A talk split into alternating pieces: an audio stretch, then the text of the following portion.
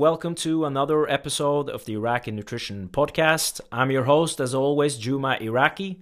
Before we start today's episode, I just want to mention that this podcast is available on YouTube, but you can also find it on Stitcher, iTunes, and SoundCloud as well. So today's guest is a really special guest. I've been actually trying to get him on uh, uh, for, for several years now, and finally we found the time to do this podcast. So today's guest is uh, Dr. Layne Norton, also known as BioLayne. Layne, thank you so much for taking the time to be here today. It's a pleasure to have you on the show. Thank you. And the only reason I didn't come on was because I just didn't like you. Yeah. so, no, it's just, um, I think we just, you know, had some times that didn't line up, and you're busy and I'm busy, and it's, it's tough to get schedules on task. But I've wanted to do the podcast because I've seen that you've had some really good people on, very knowledgeable. And uh, obviously, if you know Eric Helms is the one who made the introduction, and if he thinks highly of you, then uh, I'm sure you're you're a great. Uh, you'll have some great discussion, and we'll have we'll have a great chat. Thank you so much. I appreciate the, the kind words, and I also, like I said, appreciate you being here today. So, before we dive into the to the questions and today's topic, could you give our listeners a, a brief introduction about yourself? Yeah, I'm a. I would say I'm a meathead who likes science. So I'm, I still try to figure out if I'm a science geek who likes to lift weights, or if I'm more of a meathead who likes science. I think it's a meathead who likes science. So um, I got into bodybuilding when I was a teenager because I got picked on and didn't get really any attention from girls. So I started lifting weights to try to correct that. Uh, it did not help with either of those things, but I fell in love with the process of lifting weights and, um, you know, kind of made, I guess, a career out of it as much as you can without being, you know, Mr. Olympia.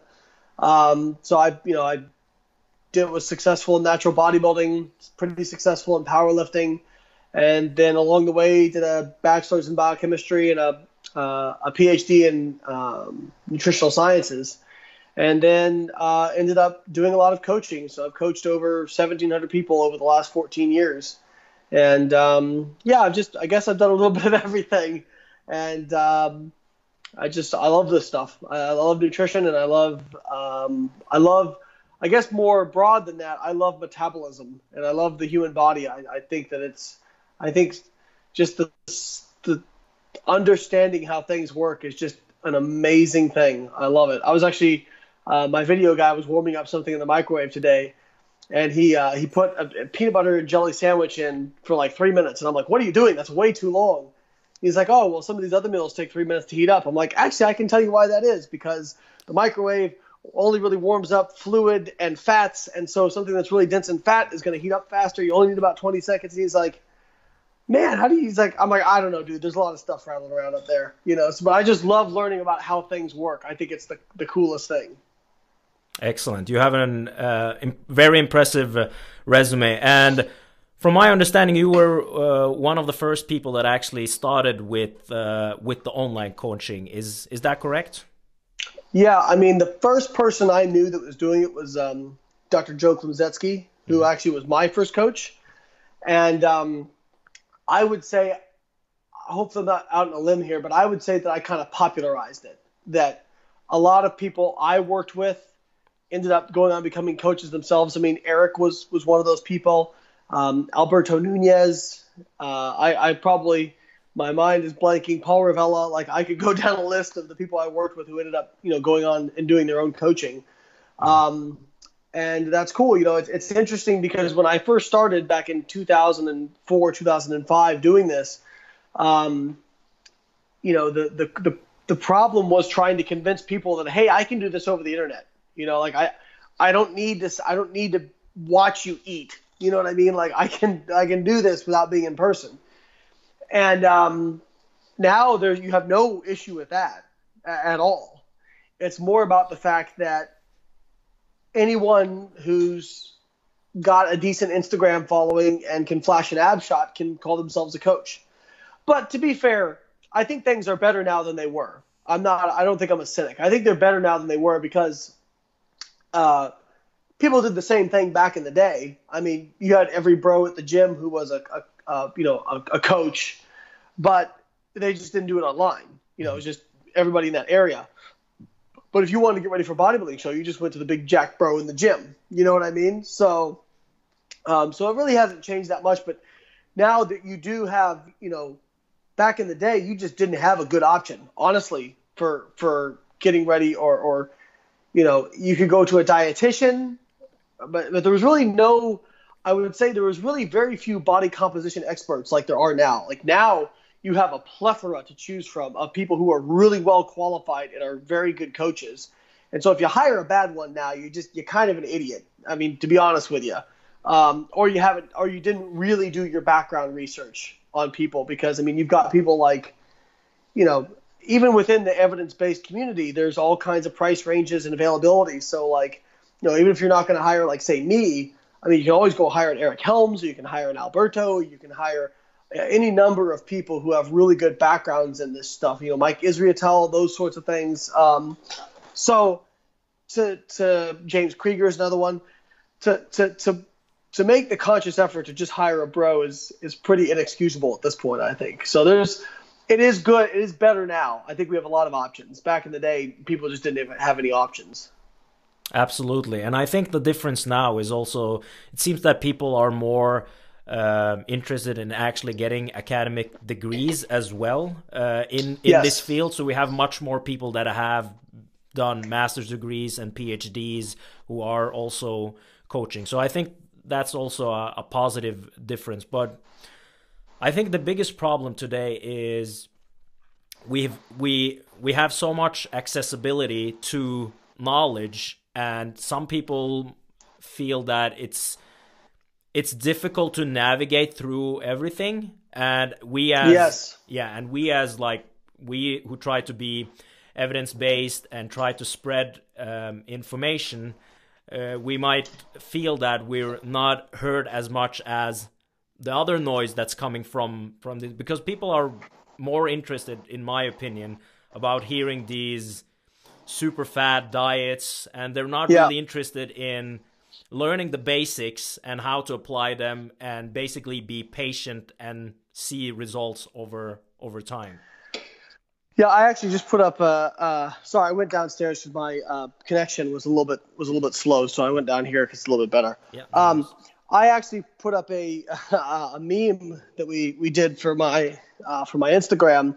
I don't know if you've seen the um, the meme where it's the guy walking with his girlfriend but he's like looking back like yeah. at another girl. Yeah. And then people put in their own little things. And so the, the for me the, the the girl the girlfriend is like it's like the guy is 95% of dieters. Mm-hmm. The girlfriend who he's looking away from is caloric restriction, consistency, hard work, exercise. And the girl he's looking at is um, fad diets, uh, waist trainers and other fuckery is, is what we had on there. So it got a lot of engagement actually, but it is very true. Like it's, I think when anybody gets into anything, whatever hobby or area you're in, I think the natural inclination is to seek the simple answer 1st mm-hmm. right? To, and to not worry about nuance so much. So the first thing you do is it's like, you know, I was into uh, I'm into fishing and, and shooting, like uh, competitive target shooting. And, um, you know, the first thing, you know, well, what's the best handgun? Well, if you talk to, if you ask that question to an expert, somebody who's actually like been in the field and, and used a lot of different uh, weapon systems, the first thing they say is, what are you going to use it for? Mm-hmm. Like, and then they're going to ask you a bunch of other questions, right? And then they'll go, well, this one might be better for this thing, but this thing is better in this thing, and it really depends on your personal preference. That nutrition is no different, and any other thing is no different. You know, same thing with um, fishing. You know, I can say something, hey, what's the best way to catch kingfish? And if I'm just listening to a broad answer, some guy's going to say slow trolling, another guy's going to say live chumming, and another guy's going to say another way. And the reality is, is probably all those methods work, but it depends on the conditions, the boat you're in, all this kind of stuff. And nutrition is the same way. For somebody just to say, you know, and uh, just because we're on, we're, we're this is what's popular right now. Well, keto low carb. Low carb is what you should do. Well, yeah, maybe. I mean, some people like they're, you know, they seem to respond really well to that, and it fits their lifestyle really well, and they can maintain it. And hey, that's those are all great reasons. But it's like when I was on the the Rogan process, I'm like, you can't really sit there and tell me it's better because the data says it's not. I'm sorry, you know. Like I, I tell people, you know, you've got guys out here like uh, Thomas DeLauer on YouTube or whatever who are saying, oh, we'll just cut out these five foods that kill testosterone, or or just eat these uh, superfoods or whatever. And I tell people, I'm like, you realize that like I went to do a PhD trying to find magic foods. Mm-hmm. Like if I found magic foods, I would be rich right now you and I wouldn't be talking because I would be out on a 200 foot yacht in the middle of the Mediterranean with like 10 bikini models on either side of me fanning me and feeding me grapes because I'd be that rich if I discovered magic foods. They don't exist, mm-hmm. right? There's no such thing. Certain foods have certain qualities, um, certain diets have certain qualities. What is going to make a difference or be best for you, for the individual will depend on numerous factors. And just to paint everything with a broad brush, you know, it, it's just yeah, it's it's very short-sighted and quite frankly stupid. And I tell people if you want to know if somebody's an expert, see how much context and nuance they give when they answer your question. If somebody answers very simply, usually not an expert, or they say things like always, never, best, worst. That's usually a, a really good way to find out if somebody's. You know, you ask Eric Helms a question, Eric is going to give you a ton of context and nuance, and he's probably going to have a very tempered, measured answer, right? Mm-hmm. It's not going to be, yeah, bro, do this. Yeah. So that's, but that's really tough because that's always what people seek because we want we want a simple answer because it satisfies us you know, much better.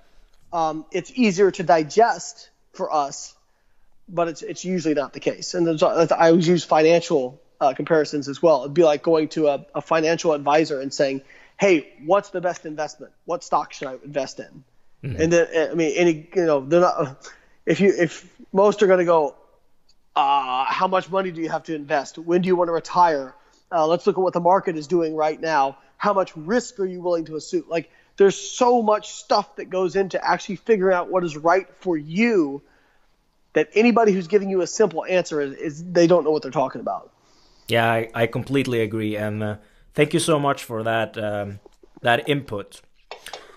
Now let's dive into the questions. So today's topic is why diets fail, and let's start with a, a, a basic question. Like you often hear that people say uh, that we have a weight loss problem, but do we really actually have a weight loss problem?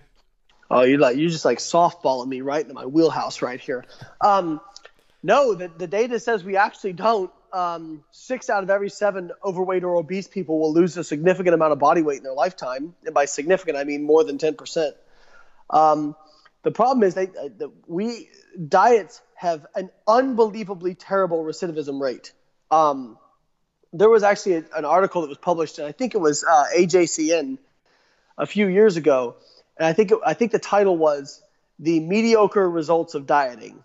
And their conclusion was that they could not, based on the scientific data, they could not recommend dieting as a viable long term weight loss solution because they were looking at uh, more than three year data. Mm-hmm. And if you look at more than three year data, uh, you know, it's like 85, depending on what what you use as your marker of keeping it off, right? So some studies will say, well, if you lost 10% and kept at least 50% of what you lost off, we consider that weight maintenance. But if you look at, okay, losing at least like 15% and keeping it all off, it's like over 95% failure rate. Like it's horrendous. So, you know, my thing is why are we so like the, the, the weight loss thing isn't a problem. We really, we figured it out. You, you can do a bunch of different things to lose weight. We need to figure out how to maintain it. And the best paper I ever read on this was by a guy from the University of Denver named MacLean. He wrote this like 50 page review that was unbelievable. It was called uh, Biology's Response to Dieting The Impetus for Weight Regain. And there was a line in there that really stood out to me and made me really, it changed the way I thought, like thinking about things. And he said, uh, dieting activates the body's self defense system. And I'd never heard of it put quite that way. And he said, and I'm going to paraphrase um, the biological response to dieting is persistent, saturated with redundancies, and well focused on restoring the body's depleted energy reserves. And any weight loss strategy that does not plan for this um, is destined to fail. Was basically what he said. I probably screwed up a little bit, but I pretty much know it by heart. So, um, I mean, that's what he's talking about. He's talking about 95% failure rate. Like it, it's a it's a major problem, and like you look at the Biggest Loser study, um, that is absolutely petrifying because they put on they put back on a lot of the weight they lost. And actually, if you look at their metabolic rate afterwards, it actually doesn't even go up. It stayed the same over six years, even though they put back on like 40 kilos. So, you know, there is something there. Um, and, and the question becomes, okay, if you want to, if you lose weight and you keep it off, what what are your if you want to keep it off? What are your choices? Are they to be, uh, you know, on this reduced calorie amount indefinitely, uh, or there's some other strategies we can we can implement? So, uh, but I just found it fascinating. Like my professor uh, for when I did my uh, graduate work was Dr. Don Layman, and he was fabulous. I like looking back, I got so lucky to be in his lab. He was a very brilliant guy, but he could answer things simply but with nuance. It was very impressive. Um, but he would always challenge uh, us, his his his grad students. There was only three of us that were in lab, and uh, he would say, you know, he would always ask why. Like, Layne, why do you think the body does this? Or why do you think this happens? So he would always approach it from like a teleological evolutionary perspective of what is the body trying to accomplish here. And it just when MacLean said that dieting activates the body's self-defense system, it just like clicked something in my mind of God, that makes so much sense and I actually read a, a paper the other day. You know, if you look at like leptin, for example, which is our, I'm sure you've spoke about it on your podcast previously. Mm-hmm. Leptin is kind of your body's body fat thermostat, for lack of a better term. Um, body fat goes up, leptin goes up, raises metabolic rate, uh, lowers hunger, hopefully caps it off. Body weight goes down, body fat goes down, leptin goes down, lowers metabolic rate, um, that sort of thing hopefully trying to keep you in that homeostatic range. And it is very tightly controlled if you look at the data on body fat uh, set point or settling point. So why do people become obese? Because, you know, it, it does happen. We have a high obesity rate. Well, there's a lot of uh, environmental factors as well as, you know, food is easier to get, we're less active, those sorts of things.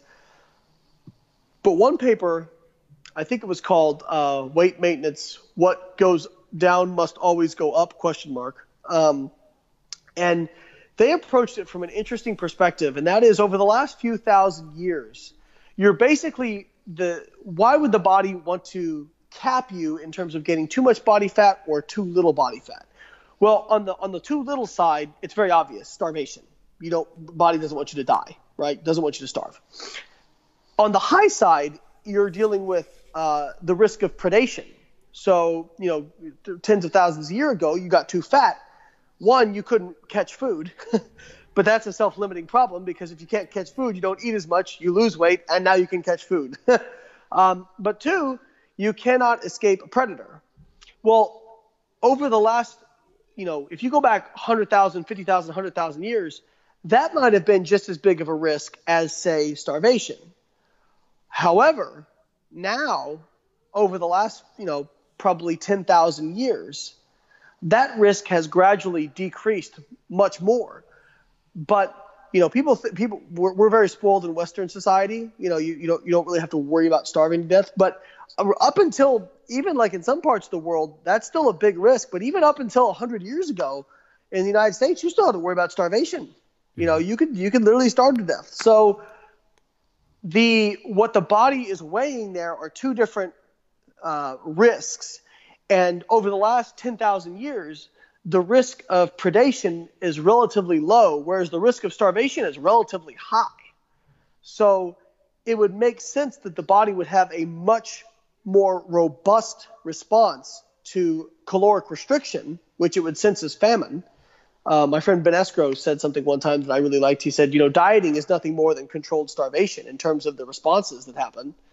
And uh, I think that's very true. So you know, every time you you diet, and I think if you look at the, there's some interesting data on weight cycling, uh, especially in rats. Now, again, rats, people, but you can't do this sort of stuff in humans because it's too hard to control these all these variables. But there was a study where they had rats uh, weight cycles. So they brought them, they took obese rats, they had them diet down. I forget how much weight they lost, but it was a significant amount. And then they had them relapse, diet down again, and relapse again. And what was crazy was the rate of weight loss the second time around was half of what it was the first time. Half. And we're talking about the same caloric restriction, or theoretically the same caloric restriction. They were on the same calories. It took them twice as long to lose the same amount of weight. That's that's incredible. Then when they came back up, when they regained the weight the second time around, they regained it four times, three or four times faster. I, I wasn't, I'm not quite sure, but I know it's at least three times, three to four times faster than the first time. That's crazy. Like but if you look at what you're telling your body when you diet, and every time you diet, you're telling your body, this is a dose of starvation. It's a controlled dose, but it's a dose of starvation. It's famine. You're teaching your body that it needs to be thrifty with energy because you're telling it, hey, energy is scarce. The problem is when people say, well, what am I supposed to do? Because, you know, I, I you know, we're supposed to restrict calories. That's going to, you know, you know, let us live longer, healthier lives, which, by the way, is actually that data is actually very different in humans than it is in animals. It's it's not as clear cut as people make it out to be.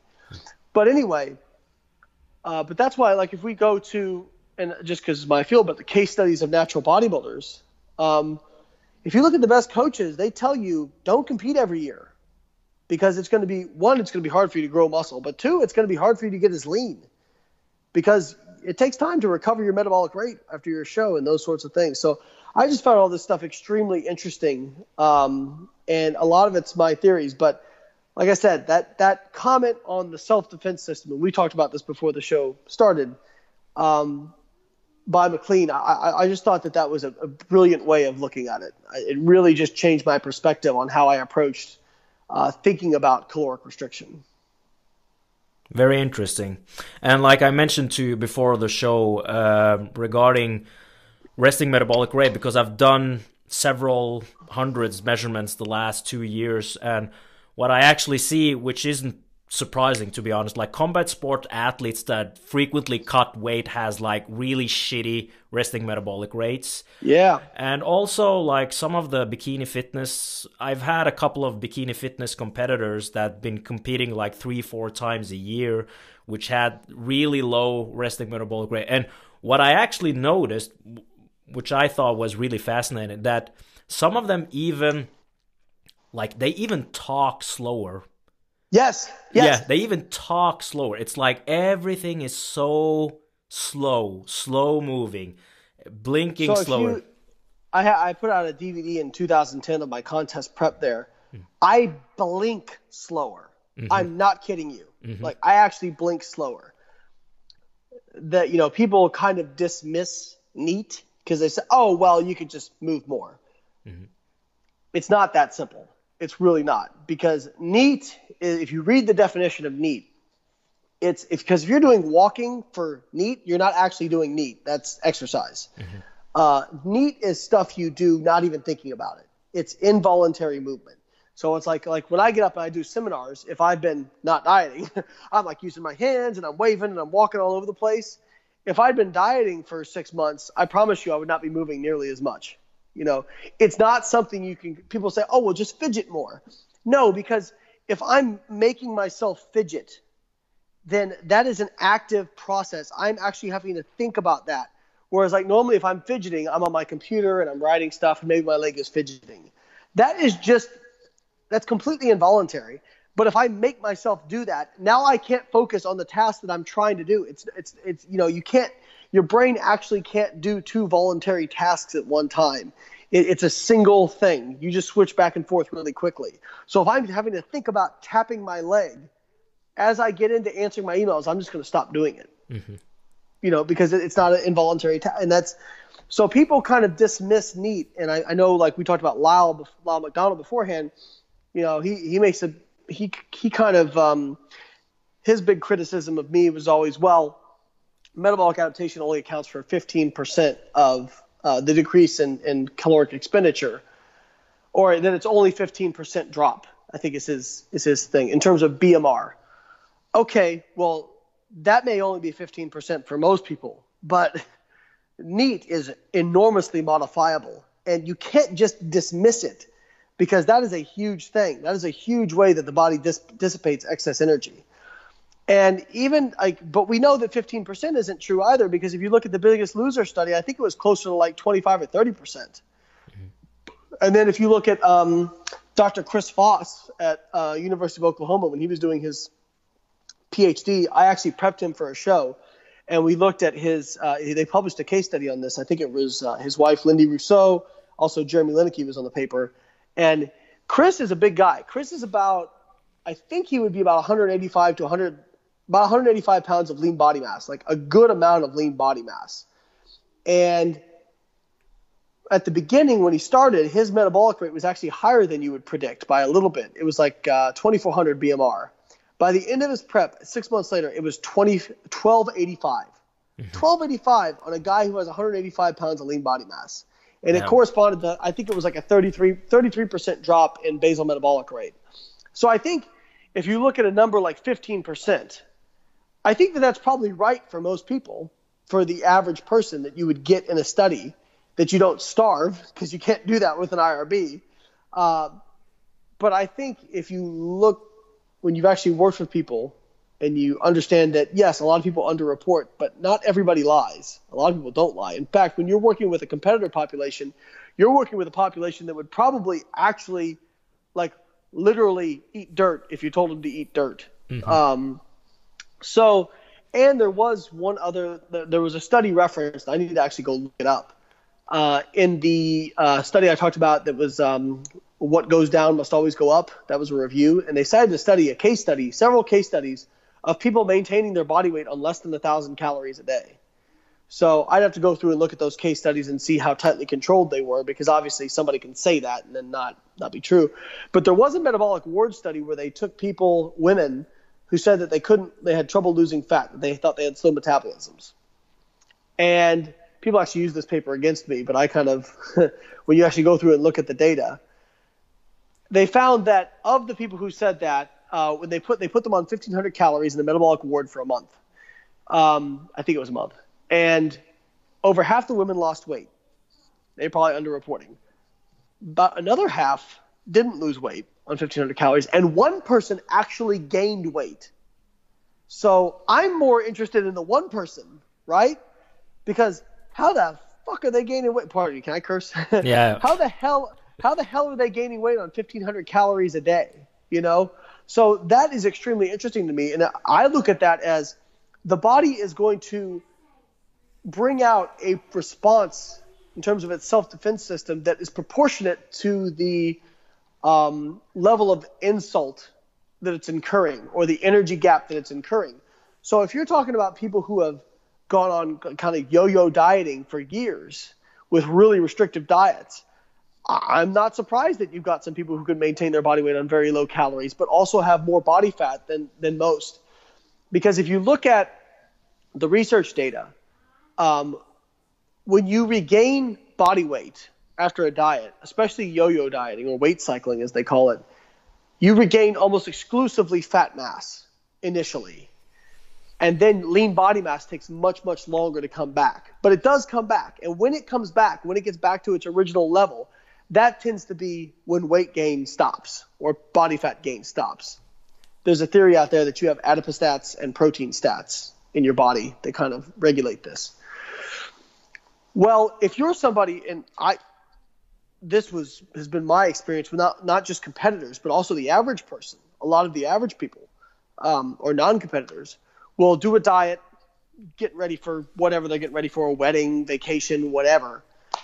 Get to it, and then they put on 10 pounds really really quickly or whatever whatever amount of weight which is almost exclusively body fat and then they immediately start trying to diet back down again because hey i don't want to be this fat right but your metabolic rate has not had sufficient time to, to catch back up like what it, what it takes to regain your metabolic rate is going to take much longer and is more sluggish So if you kind of keep following that, you know, you can think about somebody who's done that because I know people who have done this four, five, six, seven times throughout the course of you know over years. And every time you're doing that, you're telling your body food is scarce, food is scarce, food is scarce. We must conserve. And that was where I kind of came up with, you know, for my new book, shameless plug, um, the idea of a, of a three pronged approach um, that the body uses to, to as the self defense system. The first prong being metabolic adaptation, so slowing down your metabolic rate as you diet. The second prong being what I call I couldn't really come up with a good word for it, but I call it prevent phase, which is basically um, while you're still dieting, your body's already upregulating systems that will enable you to store more body fat. So you get more metabolically efficient. You uh, you're actually decreasing uh, fat oxidation within the adipocyte, and you're increasing the expression of enzymes that are uh, lipogenic. So your body is preparing because, but it makes complete perfect sense if you think about it from an evolutionary perspective, because if you were in famine and you came across a large amount of food, your body would want to capture as much of that as you possibly could, because it would not make sense to have a you know still elevated uh, inefficient metabolism. You'd want to capture as much of that potential ATP as you could and store it. So it makes perfect sense as to why your body would would uh, set you up for massive fat regain to restore that energy gap. And then the final prong uh, is basically the idea that your body, after you've been through these these cycles of dieting, that your body can actually make it harder for you to lose fat in the future. And that's that's some of the stuff we talked about with um, probably the most interesting research I saw from MacLean's lab, where they actually showed that you can it's possible to increase your fat cell number uh, if you gain weight too rapidly in the post diet setting.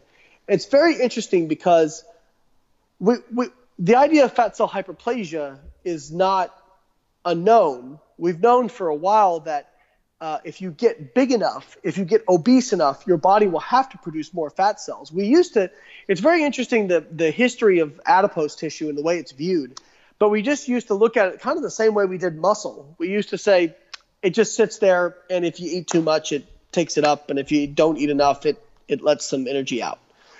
And now we know that like fat fat tissue adipose is an organ. It secretes hormones. It integrates hormonal signals. It talks to the brain. It talks to other tissues, the liver, muscle, and with, it's also having turnover. You're always having fat cell turnover. So it's about eight years, I think, is the life cycle of a fat cell. So you're always having new fat cells created and having old fat cells destroyed. But in the post diet setting, where thyroid is low, uh, leptin is low, insulin is low, it almost apparently creates this. And also, uh, when you diet, uh, another thing MacLean talked about was that uh, your the, your extracellular matrix. You know, when you um, if you ever seen information on uh, on um, what do they call it, liposuction when they take fat out, um, it doesn't go back there. The people, when they regain fat, they regain it in weird places because you destroy the extracellular matrix of that area. So when you when you diet, uh, MacLean showed that you actually place a stress on the extracellular matrix that actually favors regaining that body fat, if that makes sense. Mm-hmm. So you've got all these different things happening, and if they had a study where they showed that if you gained uh, body fat back too quickly, that you could actually create new fat cells, that you could uh, convert pre-adipocytes to uh, fully formed adipocytes. And I think if I try to think about, and this is just completely me going out on a limb, but if I try to think about why the body would do this, probably because if you're having such a rapid influx of fat and fat cells only like to be about 100 microns. That's about the max that they, they can get diameter wise. If your body senses that they're rapidly expanding, it may trigger this pre pre-differentiation. Again, I'm going out on a limb, but it may trigger this pre-differentiate pre-adipocyte differentiation because it, it is afraid that it won't be able to capture all that energy, that it's going to max out the cell size too quickly, and it will lose some of that energy. So it creates new fat cells, even though you're not back, even though you're not, even though those other fat cells aren't at their max volume yet.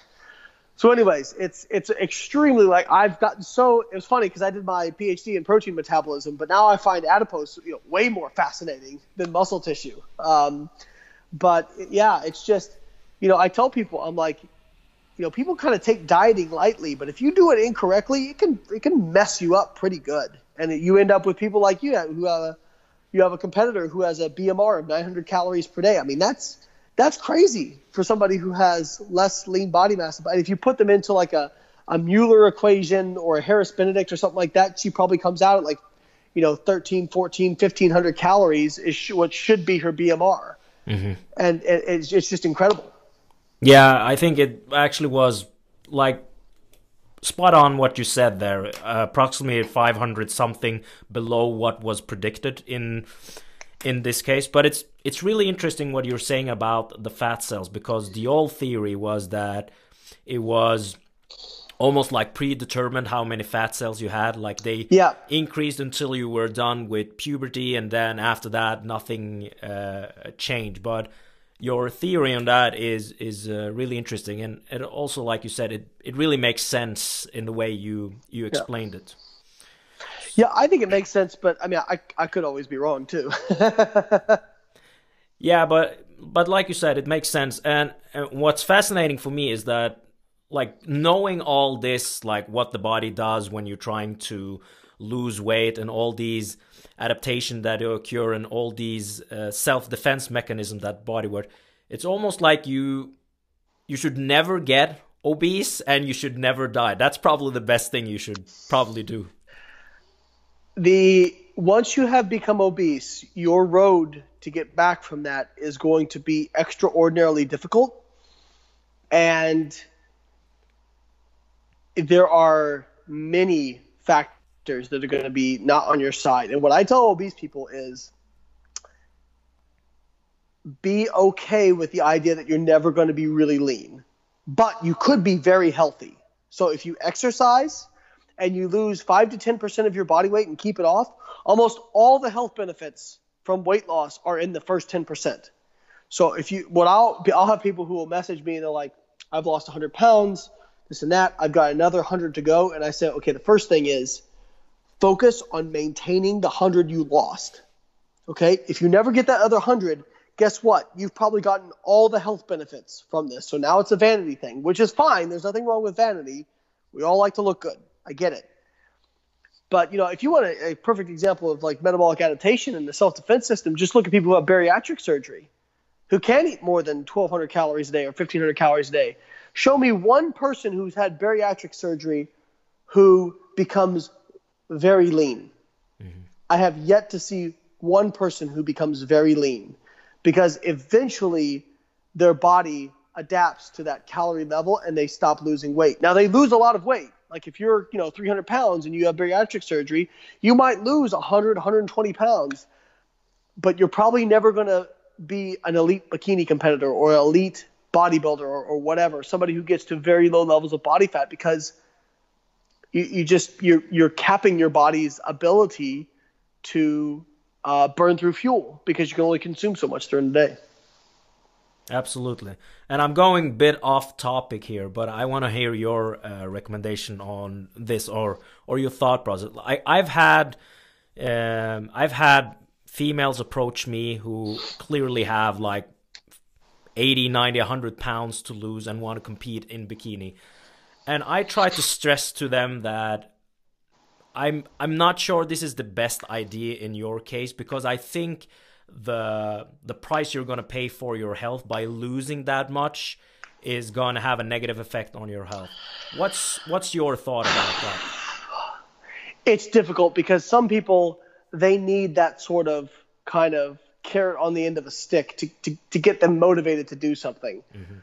But I have seen competition absolutely ruin people. I mean, ruin people, like ruin their lives. Um, but you know, probably that's one of those things where I sit down and have a, a, a, have a conversation with somebody and say, hey, listen, I get why you want to do this, but you also need to think about, you know, the long term. Don't sacrifice what you want most for what you want right now. There was actually a study done about this very topic. uh, they did a study on what's called recency, and recency is basically a measure of how much you value information in close proximity to you versus further out. It, it's not the same thing as delayed gratification, but for our purposes, it's essentially the same thing. So they found that uh, people with low recency, in that they they didn't need data, they didn't need stuff right in front of them to get motivated or to be uh, disciplined. People with low recency, very high correlation to success, uh, not just in dieting, but just in in general. Uh, it's kind of like the. Did you ever hear the marshmallow experiment? Have you ever heard of that in, in kids? No. So they took this is fabulous psychological experiment. They, t- I think they were five years old. They took kids who were five years old, put them in a room, and they put one marshmallow in front of them. They said, "You got one marshmallow right now.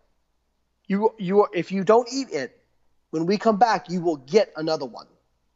We, we don't now. We're not going to tell you when we're coming back, but if you wait, you will get another one. Or you can have the one right now, and you won't get another one." And the kids who waited had a extremely high correlation to success later in life, whereas the kids who uh, did not had a low correlation to success later in life. So basically, how much can you value the knowledge of what may happen in the future that you don't have right now? But how much can you value that knowledge? So people who had low low recency, low recency means you value information further out. Um, have very high success rates in dieting. Um, and actually, what's interesting, people, you know, people make a big deal about the type of diet to lose weight. And if they only knew the research data, the type of diet you use, there is no diet that's correlated with success in in more than any other. Like keto versus Weight Watchers versus whatever. The only correlation is people who do well tend to eat a little bit more protein, a little bit more fiber. That's the only. But as far as individual diets, there's nothing that seems to be better than another thing, and that's because it's behavior that makes the difference. Mm-hmm. It's this sort. It's the one thing. The one thing that is always associated with success is adherence. Mm-hmm. Adherence. So, but the problem is, is that people they want. They say, "Well, I just." I get, I get, especially, you know, and I, I have my own theories as by why women suffer from this more, but especially with women, um, I get a lot of women who say, well, I, I, I, if I just could lose this 10 pounds right now, you know, I, I would be fine. And then, and then we could start working on this. I, I said, no, no, no. That mentality of needing to lose it right now is exactly why you're in the situation that you're in. Mm-hmm. And if you want a different outcome, because guess what? You've been trying to lose the same 10 pounds for five years. So if you want a different outcome, you've got to change your approach. You've got to completely change your mindset. You know, so and that's difficult because I, I think especially for women because you know they're they're told from a young age about diet and not being too fat or calling themselves fat. I and I I really when I give seminars I emphasize to like mothers especially like if you if you call yourself fat in front of your daughter, you, she will have an eating disorder. Mm-hmm. Like you will give your daughter eating disorder 100%. Like you cannot talk that way. Um, and but I think you know, I feel bad for for for women because they just have such pressure on them from a young age to diet. And I even like people who are in great shape who look great. They it's almost like a comfort thing. They have to they have to like if they can't talk about being on a diet, it, it's it's it's almost like they want to fit in in a comfort thing. It's it's fascinating. Yeah, absolutely. I I totally agree. We've talked a lot about why diets fail and how horrible the statistics are on uh, on people not being able to keep the weight off. And like you said, the problem is not losing the weight; the problem is losing the weight and keeping it off. So you mentioned that 95% of people uh, fail with that with with their approach. So that means that 5% actually are successful. So the question is, what are these 5% doing differently than the others to be successful? So they do a lot of things very differently. Uh, the first thing is they adopt a lifestyle. They don't look at it as a diet. They don't look at it as okay, this has an endpoint, right? So I'm I'm I'm doing a this 12 week challenge, or I'm doing this, or like this is they understand that the behavior that they had to incorporate to lose the weight, they will need to have that same behavior to keep it off. And that's why I always tell people if the diet you're on, if you can't see yourself being on it in six months or 12 months or 18 months, then you've got to rethink your plan because it, it's going to fail. You know, people, I saw something, well, I'm just doing keto now to lose the weight. And then I, no, no, no, no, no, no, stop. Keto's fine as long as you understand that that is going to be a lifestyle from you from here on out. But if you can't do that, then you've got to change your plan. It's going to fail. So, one of the things we, we really emphasize a lot in the book is hey, here's a strategy, here's a strategy, here's a strategy, but it may not be the right strategy for you. Okay? This group of people got, you know, this with this. Like, for example, high protein. High protein seems to be associated with better responses to weight maintenance and, and weight loss. But if you hate eating protein, or if you're a vegan and you, you don't get that much in, if it's not a sustainable lifestyle for you to eat that much protein, then you've got to come up with something different because adherence and sustainability is the number one thing above everything else. So picking something that can can fit your lifestyle and work. That's what you know. I'm. I don't think intermittent fasting is magic. Oh, sorry, Martin. Uh, so uh, he gets very angry at me when I, I say it's not magic. Um, but it's not magic. But that doesn't mean that for some people it, it's not helpful. Now there are some interesting data about intermittent fasting and insulin sensitivity that might be a little bit better for insulin sensitivity. But if you look at the research data on the whole, in terms of um, where do the benefits come from from dieting, it is upwards of 95% of the benefits from dieting are purely from the weight loss. If you look at studies on blood lipids, blood sugar, all these sorts of things, the weight loss explains 95% of it. And in one study that explained, in one meta-analysis, they, they concluded it was about 100% of it. Mm-hmm. So we have to focus on how can we get the weight off? And then if, if we that, then maybe we can mess around with some of these other things like intermittent fasting for improved insulin sensitivity, that sort of thing. But the fact of the matter is, if you get the weight off and, and, and keep it off, you're you're healthy. You know, like they people like like to go back and forth in these little tiny things about well keeping insulin low or or improving insulin sensitivity or this LDL particle. And I I'm, I'm just I sit over here and I'm like guys they can't I'm C2 experts talking like guys they can't stick to either one of your diets. Like it doesn't even matter because they're just going to go back to doing what they did before. Mm-hmm. so that was where like with flexible dieting for me that was a huge game changer because that I you know for me I'm like well I could do this forever you know, because if you're telling me I, I can still have my ice cream here and there, cool, we're good, you know. But um, but for some people, you know, flexible dieting isn't the right lifestyle, right? They they, they the the counting and the perfectionism and the OCD, like the numbers give them stress. So for them, maybe they've got to find a different way to restrict calories. And so we go through this a lot in the book, but in general, um, there was a there was a Framingham study uh, it was like back in 2000, I think it was, where they they they polled dieters who had had success, and a few things popped up. The first thing was uh, successful people very high rate of practicing cognitive self-restraint. So whether that's calorie counting, um, whether it's intermittent fasting, cutting carbs, whatever, they're using some form of restraint, or they're like, I'm not eating after 6 p.m. or I'm not. They're finding some way to create a deficit right? Uh, the other one is they self monitor. They tend to weigh daily, they weigh themselves daily. Um, some people, again, we say in the book, hey, you know, but if weighing daily makes you stress the frick out and you you you know it makes you you can't well then maybe you weigh once a week or maybe you have your significant other look at the scale weight you know tally the total for the week and give you an average or something like that you know there's different strategies we we, we give to use but um, they tend to self monitor um, they exercise. That's a huge one. I mean, that's probably like a, a duh thing. But of people who lose weight and keep it off, over 70% exercise. Of people who lose weight and don't keep it off, less than 30% exercise. If you want to do one, th- I'm sure I don't have to sell anybody who's listening to your podcast on this, but um, if you if you want to do one thing, there's only really one thing in the world besides losing weight and besides drugs that can instantly improve not instantly, but in a, within a few weeks' time, improves your health dramatically, and not just your physical health, but your mental health as well. It's exercise. That's it. Like that's like that is. I know it's cliche to say exercise is a drug, movement is medicine, but it is true. Like, like it just is. And it also, interestingly, it's the only thing you can do that will actually lower your set point that the body defends.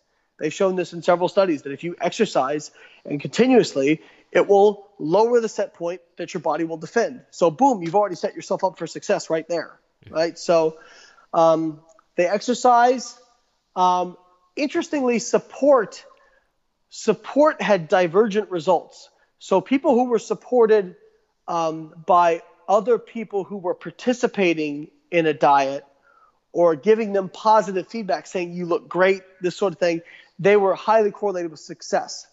But people who supported by instructive mechanisms, so kind of, well, you should try this, or maybe do this, that was actually associated with lower levels mm-hmm. of success. So again, now this is just correlation data, so who knows? Um, but the other thing was is they don't they don't do quick fixes. That's what the other five percent don't do. They don't do quick fixes. They have um, they are uh, they delay gratification and they don't really do uh, they don't believe weight loss supplements are going to help them and they don't really do much fad dieting so those are those are the big ones which you know there's nothing ground earth shaking you know um, but we kind of lay it out in a way that's a little bit easier to digest and puts all the data out there um, for people because i think i think a lot of people don't even think about this kind of stuff they just they're just they're just they hop from diet to diet and they're just waiting for that magic diet to fix everything for them. And sometimes like this is why people become so zealous about certain diets. Somebody will stumble upon low carb, high fat, and for whatever reason it just clicks with them, right? Mm-hmm. Like that that diet clicked with them. They didn't feel hungry. They could sustain it.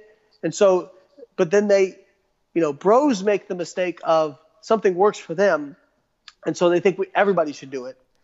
Scientists and researchers make the mistake that because something worked best for the average, that the individual should do that, and that's also inappropriate. Mm-hmm. So I think what what needs to happen is we need to lay out okay these are the behaviors you're going to have to adopt and here are here are the the your options right here are some techniques that we know can work will they work for you maybe maybe not but here they are and that's kind of what we did in the book.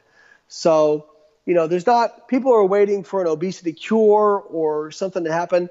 I don't think there's going to be an obesity cure. I think it's really convincing people to to to that it's going to be hard and you're going to have to be consistent with it. It's just, you know, same way the same reason that there's not a lot of wealthy people in the world or people who acquire wealth because it's hard.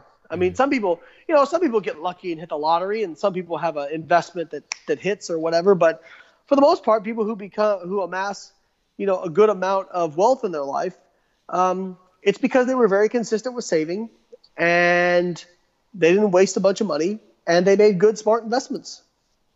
You know, dieting is not all that dissimilar. People who have success make a good investment in terms of the approaches they choose. They're consistent and uh, they don't look at the short term. They look at if what what am I doing right now? Is that going to get me closer to my goal? Because if what I'm doing right now sidetracks me from my goal, it doesn't happen. And that's that's that's another that's another thing. It's kind of another way of putting it, but that is something that's very very apparent in the five percent of people who are successful, is they focus on their goal, and anything that's going to sidetrack them from that, they don't mess with it. So those are kind of the, the techniques that, that, that tend to work. Um, but a lot of those are personality traits and character traits. So it's now you can build character traits, you can, but it's difficult to get people to change their behaviors. That's tough, you know. So how do we fix it? Uh, I think informing people and really continuing to, you know, to to to really emphasize that that, that fads are not the way. But it's so hard. You know, it's so hard because you got people like me, Eric, Mike Israetel, James Krieger. Like, you know, when we speak at conferences or whatever, you'll you'll hear us. We, we say, well, maybe this thing matters, but only with this, and you know, we we're not sure. And you know, to to the person who's not educated, you, you just sound unconfident. Mm-hmm. You know, whereas you got this guy over here on YouTube. He's like the the three most important things for weight loss are cutting carbs, eating organic, and you know, and it's like, whoa, wow, well that that is a much more palatable answer and sounds sexier. So people go with it. You know, yeah. it, it, just it's tough. It's tough to fight against. Yeah, yeah, I I I know. I I, com- I completely agree. Uh, funny thing is that. Uh, national TV contacted me a few weeks ago, wanting me to be part of a, some sort of a panel on, on live TV discussing the optimal way of training, the optimal way of nutrition. And, and God. And the first thing they let me, asked let me know when you figure it out. yeah.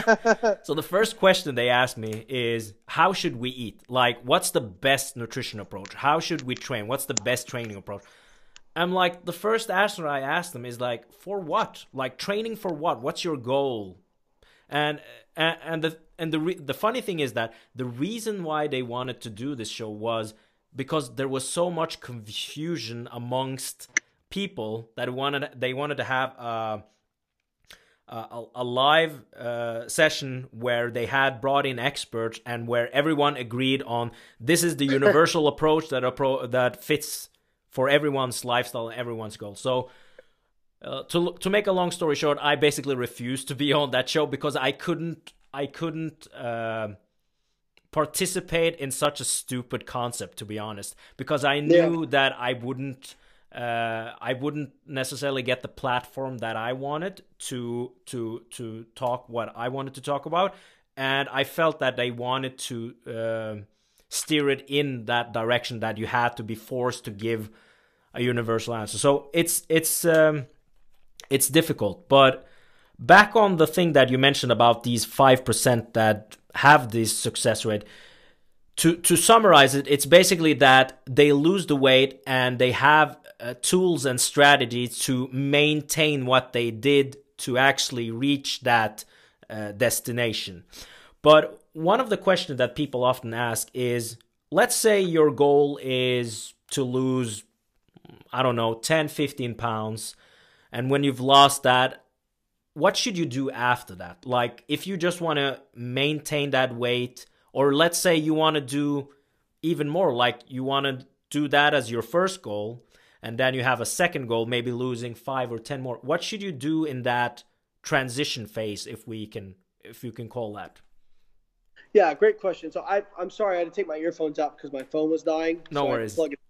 Hopefully the audio is still okay. Yeah. Um, so you basically have uh, two options really. You can you know stay at a maintenance calorie level where you'll mm-hmm. maintain your weight, and if you're so if you're happy with how you look and you're happy with your your nutritional intake, mm-hmm. then hit maintenance and done.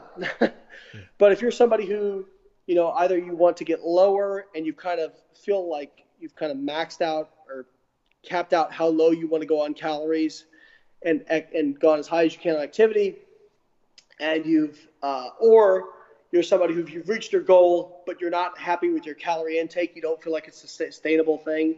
I mean this was where I, you know i didn't come up with the concept. It had been out there before but the idea of reverse dieting um, and you know adding calories in uh, in, a, in a slow controlled manner to hopefully limit body fat regain but uh, you know restore metabolic rate you know there's people out there who will say Layne's a shyster because he talks about this stuff, or there's no PubMed citations, and there's not. There's really not. Um, but I just know from my experience of working with clients that I've seen uh, people have success with this. Now, not everybody has the same level of success, um, but I've seen people who I do think the kinetics of adding in calories matter, and I don't. Again, perhaps it's a threshold where if you're going at a certain pace your NEAT or BMR or whatever is ramping up at the same level as the calories you're increasing by.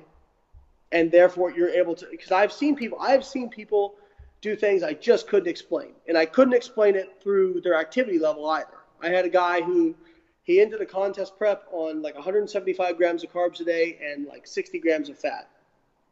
And we got him up to 420 grams of carbohydrate and about 80 grams of fat, and he lost weight during that time. Mm-hmm. And uh, and this was over about a 16 week period.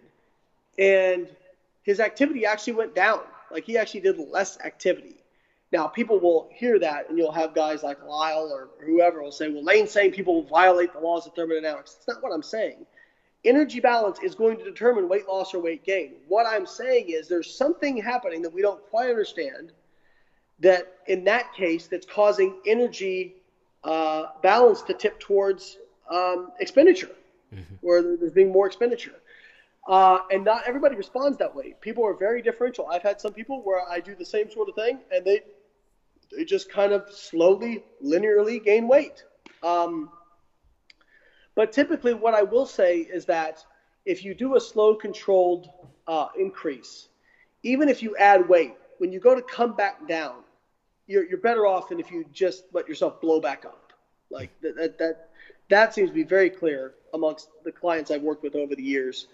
Um, and but it's just you know, it's probably going to take years. I know that there's somebody um, who I've talked with who is actually looking to do an actual reverse dieting study, um, and they wanted to do kind of a, you know, this is where it gets interesting because Eric kind of promotes the recovery diet, which is, um, and I've heard this from several people like Eric and Alan. They say, well, go go back to maintenance, and my question to them is always, okay, what maintenance are we talking about?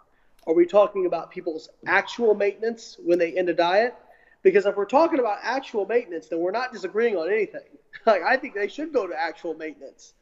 Um, but if we're talking about their predicted maintenance, like for example, in the case of the girl who you be, who had the BMR of 900, if her predicted maintenance is 1,800 calories, she's going to gain weight mm-hmm. if we put her on that, right? But if you if you say, well, her actual maintenance is probably closer to 1,200, well, then, okay, well then she can maintain her weight on that. And then, so I'll, I'll recommend people kind of after a diet, they go to maintenance, and then they slowly start adding in calories from there. Now, there's no wrong way to do it. If you have, if we, I have a conversation with a client, and they say, hey, you know, I'm, I'm really low energy, uh, my libido is really low, uh, I feel terrible, I think about food all the time. I'm okay with regaining some body fat if I can feel better faster. Hey, cool, no problem. Here, boom, 30%, 40% calories, let's go up. Right? Because at the end of the day, I just want my clients to be happy. I don't really care if they're shredded or not. like if they're happy with a little bit extra body fat, that's fine with me. So I think it really has to be a discussion, um, you know, between a coach and a client. Now, as far as people out there and what they actually do, um, I do think that there are things we can learn and um, techniques we can institute. I talk about it in the book, shameless plug, of, hey, based on where you're at, where you're at right now, what's the best move for you, right? So in the case of the girl that you, uh, I'm going to bring her up again. What if you would be him, BMR'd her and was she was she uh, without giving away too much information about her, was she very lean or was she average body fat or was she more body fat? I would say not uh, stage lean, but leaner than average. Leaner than average, yeah. Okay, but what if that person was somebody who was a little bit had a little bit more body fat than average, right? And so they've got this low metabolic rate. Um, they've got more body fat than they'd like to have, and they want to lose that. Well, what do you tell them? Okay, well, here's 800 calories. Have fun. Well, that's not going to be sustainable. that's that's not going to work for most people. So, like I, I kind of tell people when they when they if they want to criticize reverse dieting, I say, well, what other option do you really kind of have at that point? You know, like the idea is being okay. Well, let's restore the metabolic rate. I look at it as like, what are you telling your body? Okay, well now you're telling your body, hey, we're not in famine anymore. We've got more calories. We can afford to be a little bit more uh, um, dissipatory. We can we can dissipate more calories and it's going to put you in a better position when you choose in the future to go into caloric deficit. Um, I actually had a very interesting. Um, this is why this stuff is like, it's so research only tells you so much, and then working with individuals tells you so much more in certain ways. Um, I had a gal who I, I, reversed her very slowly, and she started at. I just remember carbon fat intakes. Uh, she started at. I actually just looked at her data last night. She started at 1,260 calories and over six months, we took her from 1260 to, I want to say, 1860. That 600 calorie increase, she gained 28 pounds. Okay. Now, some people would say, why the heck did you do that? that was that was bad for her. Well, she had told me she's like, I can't live like this. So now, what's really interesting is from 1800 to 2500, she has not gained a single pound. Mm-hmm. Her weight has completely stabilized, and I see that a lot with people. Is there are thresholds in metabolism where you know you like, and anybody who's like lost or gained weight and paid attention knows this too. That there's weight loss is usually not like a, a linear thing, and weight gain is usually it's not like a stair step. You know, like you'll be stuck and then boom, you'll drop like a kilo, right? And then you'll get stuck again, or it'll slow down. You know, it's just we don't have good ways to explain that sort of stuff. You know, I just think. Uh, yeah, the more I know, the more I don't know. I think I really hope a lot of these things get answered here in the next 10, 15 years because I just find it so fascinating. Yeah, I I completely agree, and and I I hope so too, uh, to say the least. So let's wrap this podcast up with a take-home message to uh, to the listeners. Sorry, I went off on so many on so many tangents. You know, you were like, we're gonna have a very focused message. So I'm like, oh, he hasn't been around me very much. I like to go down the rabbit hole. But uh, yes, a take-home message um, for people who you mean people who are are dieting or, or want to maintain weight loss, that sort of thing? Yeah, let's like based on the topic that we've talked today, like just summarizing why diets fail, what successful people are actually doing, and some strategies like your most recommended strategies to lose the weight and maintain that weight loss. So, uh, the first thing I will say is if you do what you've always done, you are going to get what you've always gotten.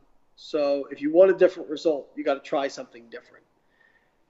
And so the biggest things I would tell people is value your long term goal the most, way over any short term goal.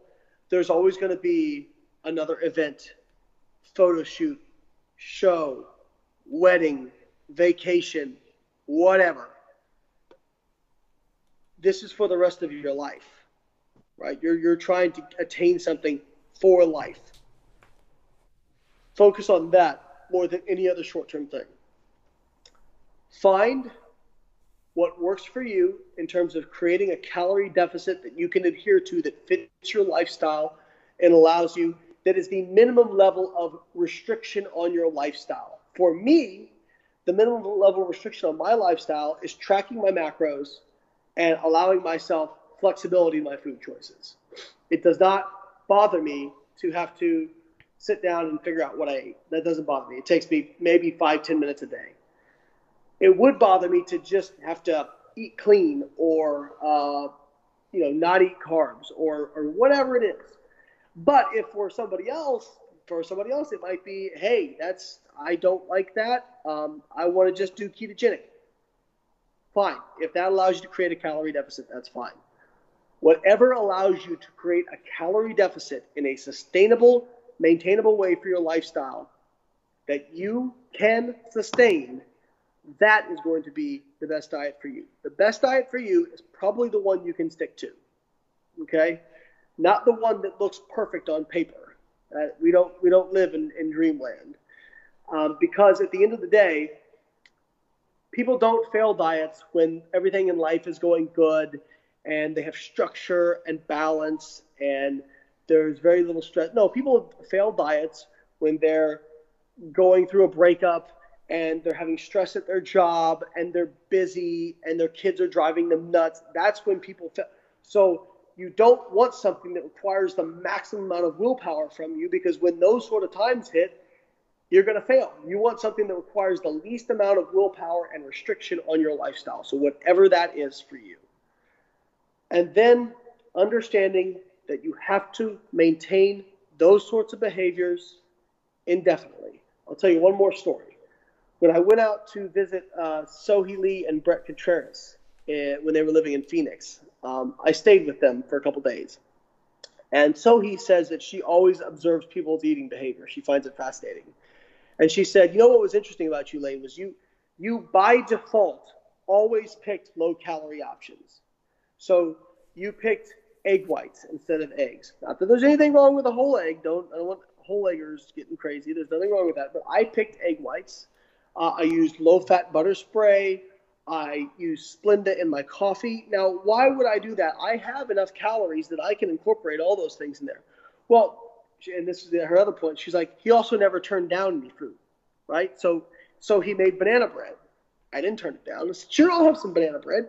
Um, we went out to dinner. I everybody was having a drink. I had a beer. You know, so I never by choosing those lower calorie options by default. That is a habit of mine. I do that by default, even when my calories are really high, because then it gives me the flexibility to have stuff that I like to have and have fun. So for me, again, for me, that is something that I've found to be useful. And people who sustain weight loss also tend to choose, oh, that's one I forgot, they tend to choose low calorie options. They tend to eat lower fat, um, you know, those sorts of things. So it's, um, it's not magic, but you just develop habits that allow you to be successful. Excellent. Thank you so much for your time, uh, Layne. It's been a pleasure to have you on, and I think me and the listeners uh, really enjoyed the the talk that we had today. Where can people find more information about you, and when is your book coming out? Yeah, so uh, the best place is to follow me on social media. Uh, anything I'm going to do, I'm going to post on social media. Uh, my website, biolayne.com, uh, that's kind of like the central hub of everything I do. And the book, I already have a contest prep guide that's out um, for competitors, and that's going to be great for them. If, if you want to get ready for a show, like it's a 320 page, like literally a guide um, that's wonderful. And you can get that at um, biolaynestore.com. And the, the new book, Fat Loss Forever, um, we I actually just finished the I have one chapter left to write. Uh, I anticipate the writing will get done this week, so I'm anticipating a launch of about six weeks. I think six weeks we'll we'll have it um, ready to go. So we've already taken pre-orders for that, which went phenomenally. Um, I could not be more stoked. This is like my fat loss manifesto, and you know, for people that order these and they found this out with the contest prep guide, uh, same thing with like Eric's ebooks. Like we we update it for free. Like when we update it, we send it out to everybody who bought the first one, so you never have to buy another version, right? Mm-hmm. So like um, with the contest prep guide, we just released version two, and uh, we added 60 or 55 pages to the original, and uh, we didn't charge people a dime who had already bought it. So um, that's one great thing about ebooks is um, you can update it and you don't have to charge anybody any extra. So uh, you know, obviously I'm biased. I think my stuff's pretty good, but uh, the feedback on the prep guide has been amazing. We've sold over 7,000 copies, and um, people have really, really liked it. And I think we've only, like literally gotten one negative feedback on 7,000 copies. So I'm very, very happy. And uh, yeah, I wish I had done this kind of writing uh, years ago. Awesome. I'll link everything in the description for people to check out. And if the new book is as good as the prep book, I think people have uh, something to look forward to. I'm really impressed with the thing you've done with the prep book, and I've recommended to several oh, of the coaches. Yeah, I've read it. I I was I think I on I I um I was when did you launch the book again? It was so we did a we did a pre order in early February and we launched it in early March. Yeah, so I think I was on a plane to Switzerland in in May, and I've purchased the book, but I didn't get a chance to read it until I was on the plane. But I um, I really enjoyed the the book, especially the topic where you talk about all these adaptations that you occur during the diets. Uh, yeah. So it's um, it's a highly recommended book uh, on on my end to to people that also coach uh, clients because yeah. I think they provide a lot of value. Well, that's why I told people. I said, if you're a coach, this is a great reference guide for you. Like, and I'll, I'll go ahead. I'll give your your podcast a little special announcement. Uh, we will have hardback, uh, or not hardback. I'm sorry, but um, actual print books available here in the next few months. So we're actually getting it made, and it's going to be like made like a textbook. Mm-hmm. So like an actual reference guide because so many coaches told me, "Hey, are you ever going to print this? Because I would love to have this as just a reference guide at a show, just mm-hmm. to flip through, you know." And I think that's great. Like I, I'm people say, oh, doesn't that bother you that people take your information to coach other people? No, of course not. Like I, I want good information to be out there. So yeah, like we're going to be releasing um, an actual paperback uh, version of the book uh, here within a few months. So I think people are, are really going to be excited about that and enjoy that. Um, it will be pretty pricey just because it's really expensive to print, um, especially when you're self-publishing. But I think a lot of people will really enjoy it. So, yeah, I'm really excited about like that's the like of all the things I've done like business-wise, that's like my most proud, uh, I think thing I've, I've ever been proud of. Just because I like we wrote it in like eight weeks, I want to say. Like we just sat down and just got I just got so into it and every time I would come to something and say, should I include it? Yeah, we'll put it, we'll include it, you know? So like all the case studies, all that stuff, I think it's just a really, really well done guide that fuses together science, evidence based stuff with also this is what worked practically mm-hmm. from my experience. And I think it does a good job of marrying those two without letting one take over versus the other. Awesome. I'm really looking forward to your uh, new book. And uh, once again, Layne, thank you so much for your time and enjoy the rest of your day. Thank you. I really appreciate you. Thank you. Bye bye.